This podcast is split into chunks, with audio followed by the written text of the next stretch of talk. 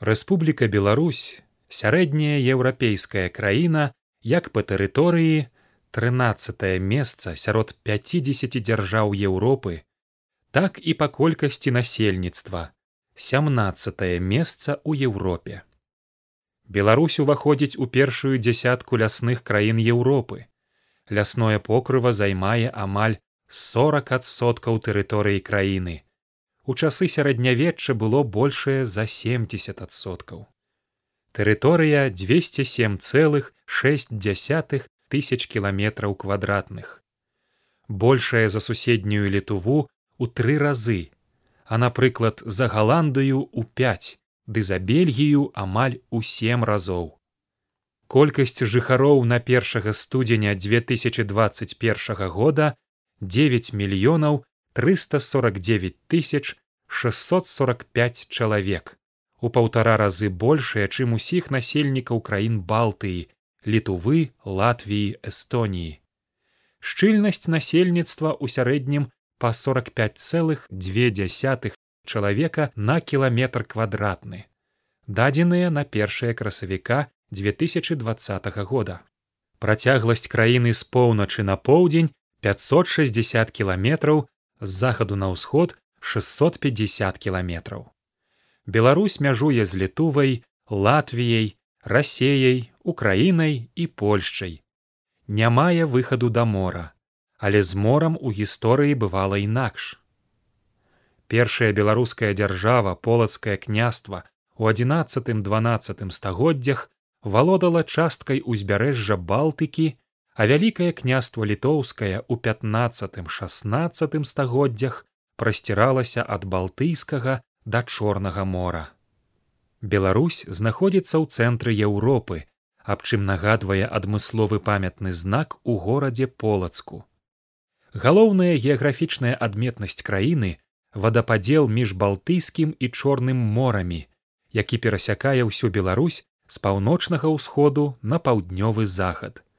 Ён не гарысты, невысокі, і гэтая чыста геаграфічная асаблівасць у даўнім мінулым моцна паўплывала на гістарычны лёс краіны. Праз Беларусь пралягае самы кароткі шлях з рассеі ў заходнюю Еўропу, што таксама забяспечыла крайне бурлівую гісторыю, асабліва падчас шматлікіх войнаў. Беларусь размешчана на ўсходнееўрапейскай раўніне. У рэльефе дамінуюць плоскія і палогія хвалістыя раўніны і нізіны, рачныя даліны, і пагоркава-бугрыстыя комплексы розных памераў і канфігурацый.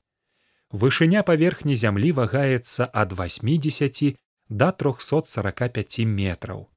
Найвышэйшая гара краіны дзяржынская, гістарычная назва святая гара.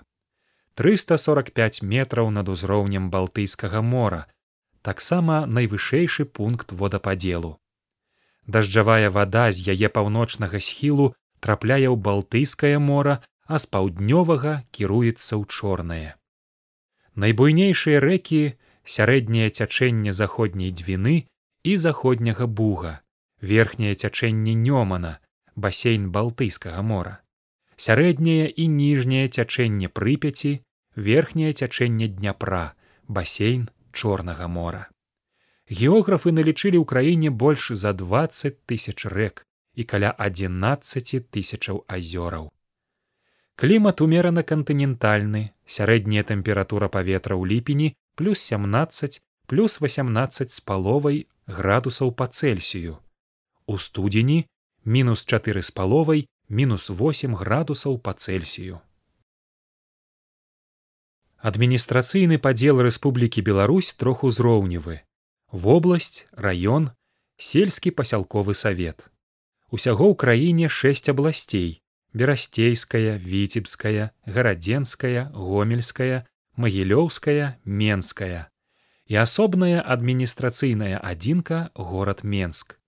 Буйныя па тэрыторыі і колькасці насельніцтва адміністрацыйныя адзінкі вобласці засталіся ў спадчыну ад агромністага савецкага саюза і лічацца неадпаведнымі для сярэдняй па памерах краіны гістарычна беларусь належыць да заходнееўрапейскай цывілізацыі менавіта цэнтральна-ўсходняй еўропы Да гэтага еўрапейскага рэгіёна належаць краіны, якія ў мінулым уваходзілі ў склад чэшскага, венгерскага, польскага каралеўстваў і вялікага княства літоўскага.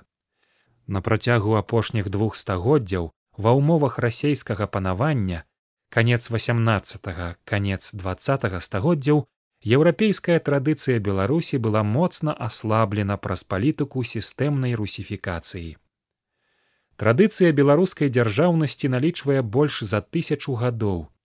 Пачаўшы ад полацкага княства 9 стагоддзя, у сярэдзіне 13 стагоддзя на змену полацкай дзяржаве прыйшло вялікае княства літоўскае, якое праіснавала каля чатырох з паловай стагоддзяў. Традыцыя ўласнай дзяржаўнасці была перарваная ў канцы 18 стагоддзя праз уключэнне беларусі ў расійскую імперыю і адноўленая ў двадцатым стагоддзі. Беларусь ад сваіх пачаткаў і да сёння краіна шматпланавага памежжа геаграфічнага этнічнага і цывілізацыйнага. Усё мінулае беларусі на працягу паўтары тысячы гадоў гісторыя краіны памежжа. Памежжа геаграфічнае.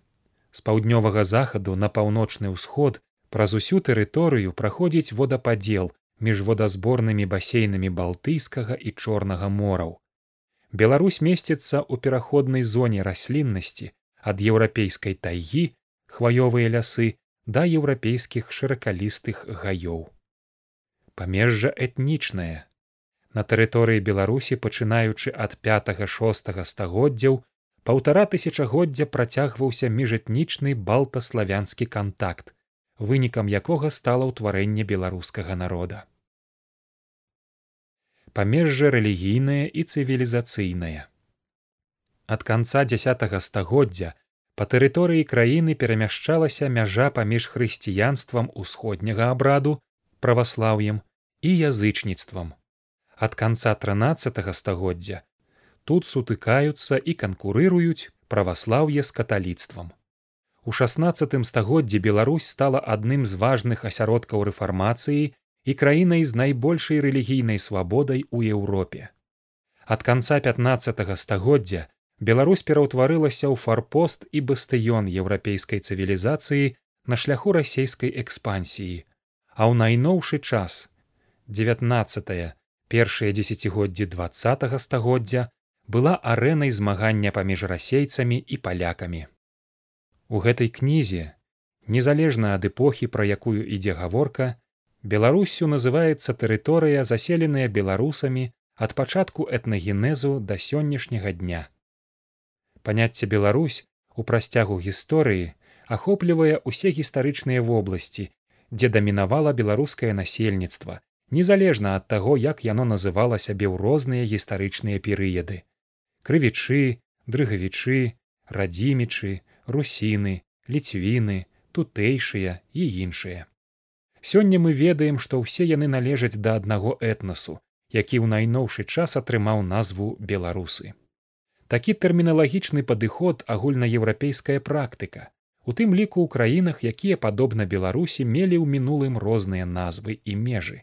Напрыклад бельгія паўднёвыя нідерланды румынія валахія латвія лівонія інфлянты і гэтак далей. Пачаткі краіны найноўшымі археалагічнымі даследаваннямі выяўлены сляды прысутнасці прылады працы людзей на тэрыторыі беларусі ўжо ў каменным веку. Сярэднім палеаліце каля трохсот тысяч гадоў таму. Напрыклад каля вёскі агова иванаўскага раёна. Самае старажытнае паселішча ўзростам у двадцать чатыры тысячи гадоў знойдзена на поўдні краіны. Гэта стаянка каля вёскі бердыш чачэрскага раёна узростам у двадцать чатыры тысячи гадоў. Магчыма падобнае паселішча існавала і ў юравічах калінкавіцкага раёна. Фармаванне сучаснага беларускага народа пачалося ў эпоху жалеза каля пятого шостого стагоддзяў нашай эры са з'яўленнем славян на будучых беларускіх землях заселеных на той час пераважна балцкімі плямёнамі. Тады пачалася найбуйнейшая з'ява ў гісторыі краіны працэс славяна балцкіх кантактаў у выніку якога сфармаваўся беларускі народ. Славяне, меўшыя большы цывілізацыйны патэнцыял, паступова асімілёўвалі мясцовых балтаў і вуграфінаў, пераймаючы ад тубыльцаў не толькі тапаніміку, назвы мясцовасцей, водных аб'ектаў і іншае, але і вопыт выжывання сярод бяскрайняга лесу. Да гэтага часу працягваецца дыскусія навукоўцаў, ад каго беларусы ўзялі больш ад славян ці ад балтаў. Здаецца, пачынае перамагаць меркаванне пра беларусаў як пераважна балтаў, якія гавораць славянскай мовай. Да дзясятага стагоддзя у ходзе балтаславянскага ўзаемадзеяння сфармаваліся тры пранароднасці продкі сучасных беларусаў крывічы дрыгавічы і радзімічы тады ж узніклі першыя дзяржаўныя ўтварэнні якія гісторыкі лічаць протабеларускімі.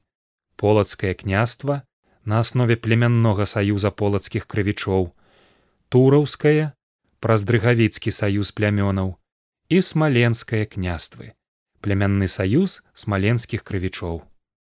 Адно радзімічам не ўдалося стварыць уласнай дзяржавы іх зямлю прылучыла да сябе ўкраінскае чарнігаўскае княства смаленшчына ад сямнаццатага стагоддзя занятая рассеяй але яшчэ ў канцы девятнаццатага пачатку двадцатага стагоддзяў расійскія этнографы залічвалі яе заходнюю частку да этнічнага арэала беларусаў у смаленску ў 1919 годзе расійскія бальшавікі абвясцілі стварэнне беларускай савецкай рэспублікі. Тураўская і смаленскае княствы ўжо ў дзясятым стагоддзі трапілі ў залежнасць ад кіеўскіх князёў, ад якой вызваліліся толькі ў дванаццатым стагоддзі. Але полацкае княства ў палітычную сістэму гэтак званай кіеўскай русі не ўвайшло. Полацкая дзяржава не толькі абараніла сваю незалежнасць, але і павялічыла тэрыторыю, заняўшы на працягу адзінаццатага стагоддзя значную частку беларускага абшару ад пскоўшчыны да наваградчыны па лініі з усходу на захад і ад балтыйскага мора на поўначы да палесся на поўдні. Па гэтай прычыне полацкае княства лічыцца першай беларускай дзяржавай, а перыяд гісторыі краіны ад 9 да 13 стагоддзя называецца полацкім.